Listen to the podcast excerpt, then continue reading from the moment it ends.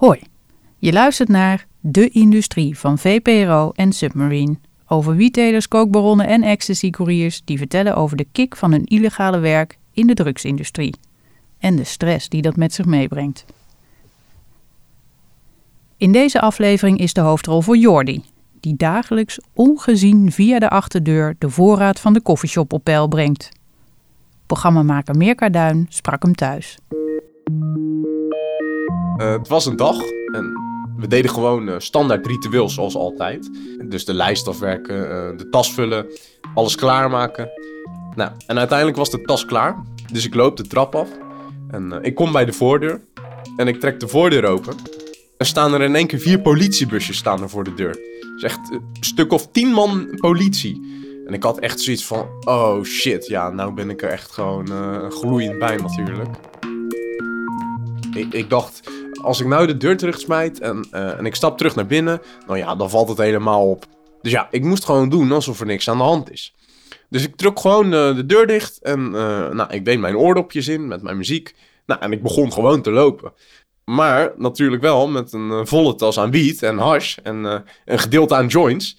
Dus ja, dat zou natuurlijk wel een hartstikke flinke vangst zijn voor, voor hun, ja. Um, nou, uiteindelijk bleek het gewoon voor iets heel erg anders te zijn. Want er was iets van een eh, winkeldiefstal of zo aan de hand. Ja, dat was echt wel een, uh, ja, een dag om, uh, om niet te vergeten, zeg maar. Uh, Jordi is een, ja, ik noem het een stashloper. Maar hij is dus degene die de wiet elke keer naar de koffieshop brengt als het bijna op is. Hij noemde zichzelf gewoon medewerker van de koffieshop. Maar dan het gedeelte wat niet zichtbaar was. Dat is hoe hij het zelf omschreef. Vind ik ook een betere omschrijving hoor dan stashloper. Stashloper klinkt zo banaal. En uh, Jordi was uh, een superleuke gast. 24 was hij. Uh, gewoon donker haar. Hij was heel vriendelijk. Wij, we kwamen bij hem thuis. hij woonde in een huisje op een dijk. En zijn hele familie was er. Uh, en iedereen zat in de keuken. Ze waren ook iets in de oven aan het maken, dus het rook er heel erg lekker en zo. En zo, zo gingen we ook het gesprek in. En het was gewoon een heel fijn, warm, huiselijk gesprek. Heel open. Dus uh, ja, dat was Jordi. Ik loop iedere dag een keer voor 12 uur en een keer voor 4 uur. Het spannendste eraan is zeg maar een beetje, beetje de gedachte dat het een keer is van... Hé uh, hey, meneer, kunt u even stoppen? Dan mag ik even in uw tas kijken? Nou, soms uh, in de auto heb ik gewoon uh, eh, 5 kilo in mijn tas achterin liggen. Ja, en dan heb ik al een verhaal van tevoren bedacht van wat is er in de buurt? is er een bouwmarkt in, in de buurt?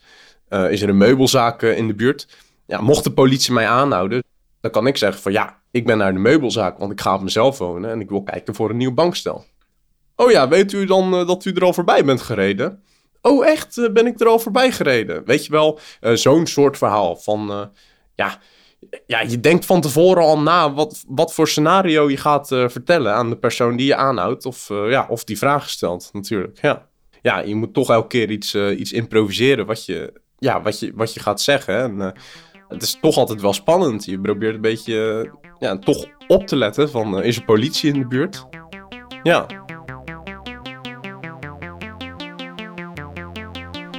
Uh, eerst was ik ergens anders werkzaam. Uh, bij een pakkettendienst, als courier uh, dus. En ja, ik was gewoon 15 uur per dag aan het werk, fulltime. Het was gewoon heel zwaar werk, gewoon 15 uur per dag. Het was eigenlijk gewoon helemaal niet voor mij. Nou, toen zei iemand van, ja luister, um, wil je niet bij mij in de branche komen werken? Ja, ik heb nog wel een baan voor je. Ja, je komt eigenlijk achter de schermen te werken. Beetje, ja, hoe zeg je dat? Het is toch een beetje een duistere wereld van de koffieshop, uh, wat niet veel mensen weten. En uh, nou ja, het is ook gewoon heel spannend. En ja, ja, dus toen ging er gewoon wel, ja, wel wat bloeien in mij. En uh, dat zie ik eigenlijk wel, wel zitten. Dat is wel gewoon echt iets voor mij. En ja, dus ik ben me gelijk mijn ontslagbrief gaan schrijven. En die heb ik gewoon zo snel mogelijk ingeleverd. Ja, die, die kans, ja, die krijg ik maar één keer in mijn leven. Die moet ik gewoon pakken. Ik weet natuurlijk niet hoeveel mensen er zo'n baan als Jordi hebben. Er zijn ongeveer 570 coffeeshops nu. En die moeten elke dag bevoorraad worden. En Jordi liep twee keer per dag. Sommige coffeeshops zijn groter en dan wordt er vaker gelopen. Dus ik had uitgerekend dat er zo'n 1200 keer per dag heen en weer wordt gelopen met een tasje wiet in Nederland. Best vaak. Dat is best vaak, ja. Ja, Ehm, we hebben gewoon een kamer op een bepaalde plek. eh, in een huis in het centrum. Ja, het is een beetje een zijstraatje van een, eh, van een winkelstraat. Dat het, eh, dat het niet echt open en bloot is, zeg maar. Ja, dat je ons niet naar, naar buiten ziet komen en naar binnen. En dan weer met een tas naar buiten. Want ja, dat valt natuurlijk eh, eh, behoorlijk op. En nou, wij zitten ook op een slaapkamer. Wat een beetje is ingericht als een soort voorraadkamer. Dus ja, het is wel gewoon fijn dat je gewoon lekker op het, eh, op het gemakje kan zitten. eh bakje koffie erbij, eh, radio aan. Nou, dan ben je een beetje de, de hash aan het snijden. de wiet afwegen. ehm, eh, jointjes maken. Ja, dus het is eigenlijk best wel ook gewoon, ook gewoon heel relaxed werk. En het is eigenlijk ook gewoon... Ja, gewoon, gewoon heel normaal. We eten gewoon net zoals iedereen ehm, brood tussen de middag. En nou, we hebben lol samen. Dus ja, op een gegeven moment ehm, begin je de soort ook wel een beetje te kennen. Ehm, eh, we, hebben drie zakken wiet eh, waar niks op staat. Nou, en dan kijk je en dan ruik je eraan. En dan heb je zoiets van: eh, oké, dit is een orange butje, of dit is een white widow, of dit is een, ik zeg maar wat, een, een heesje of een amnesia. Nou, dat, dat is ook wel gewoon heel leuk aan het, aan het beroep. En dat ja, dat, op een gegeven moment word je ook een beetje een, ja, een kenner.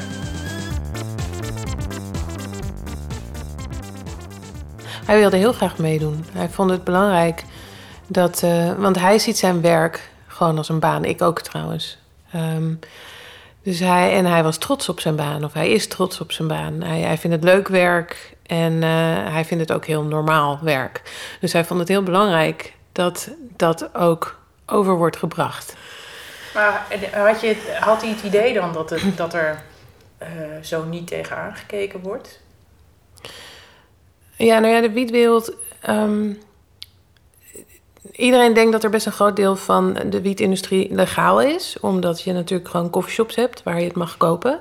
Maar eh, vanaf het moment van de achterdeur is het illegaal. Want coffeeshops mogen maar 500 gram wiet eh, in huis hebben en hash. Niet meer dan dat. Dus wat er gebeurt is dat je een loopjongen hebt die elke keer als de wiet op is, dat komt langsbrengen, die dus blijft supplyen. Maar als persoon mag je natuurlijk al niet zoveel bij je hebben. Dus de achterdeur is vanaf daar illegaal, vanaf zijn positie.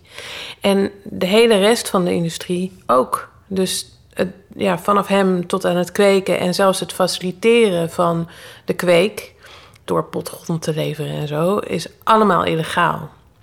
En dat is natuurlijk een hele gekke, gek ding van het hele gedoogsysteem. Uh, ja, da daarom wilde hij ook heel graag meewerken. Om een soort van daar een onderscheid in te kunnen maken. Hij voelt zich niet de slechterik. Hij voelt zich niet de slechterik. Maar ik, ik ben het daar wel echt mee eens. Dat hij niet echt een boef is.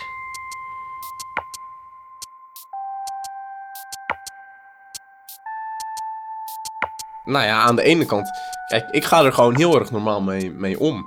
Want ja, ik ben er gewoon hartstikke enthousiast over. Maar, maar ja, in mijn achterhoofd weet ik ook wel van, uh, ja, dat, dat dit niet normaal is, uh, zeg maar. Het is ook heel lastig met vrienden en familie. Ik weet niet goed wat ik nou moet zeggen als mensen vragen van, uh, ja, wat, wat doe je in het dagelijks leven? Toen zei ik tegen mensen van, ja, ik werk in de horeca. Maar ja, dan krijg je natuurlijk vervolgens de vraag van, oh, waar werk je dan? Uh, ja, uh, bij de koffieshop. Uh, bij de koffieshop werk je dan achter de balie? Nee, ik werk niet achter de balie. En nou ja, je, begrijpt, dan beginnen ze al door te vragen. Ja, wat doe je dan? Ja, um, ik werk op het kantoor. Oh, dan zie je waarschijnlijk ook veel wiet en hash voorbij komen. En, dus ja dan, ja, dan heb ik wel zoiets van, shit, ja, wat, wat moet ik nou zeggen? Dus dan zeg ik zo, uh, nee, uh, ik zie eigenlijk uh, niks voorbij komen. het wordt allemaal op een andere manier geregeld als, als dat jullie denken.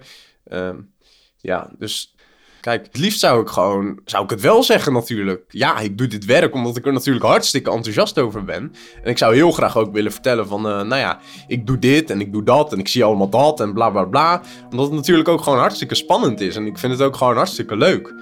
Maar ja, in je achterhoofd weet je, ja, weet je dat het gewoon niet kan en dat je gewoon echt je mond moet houden. Tot zover de laatste aflevering van de zesdelige podcastreeks De Industrie. Met in de hoofdrollen koffieshopmedewerker Jordi en programmamaker Mirka Duin. Mijn naam is Remy van den Brand en ik stelde deze aflevering samen. Alfred Koster nam de eindmontage voor zijn rekening. Mocht je nog meer willen weten over de drugsindustrie in Nederland en degenen die daarin een rol spelen, breng dan vooral een bezoek aan vpro.nl/slash de industrie. De Industrie is een co-productie van VPRO en Submarine Channel en kwam tot stand dankzij steun van het Mediafonds.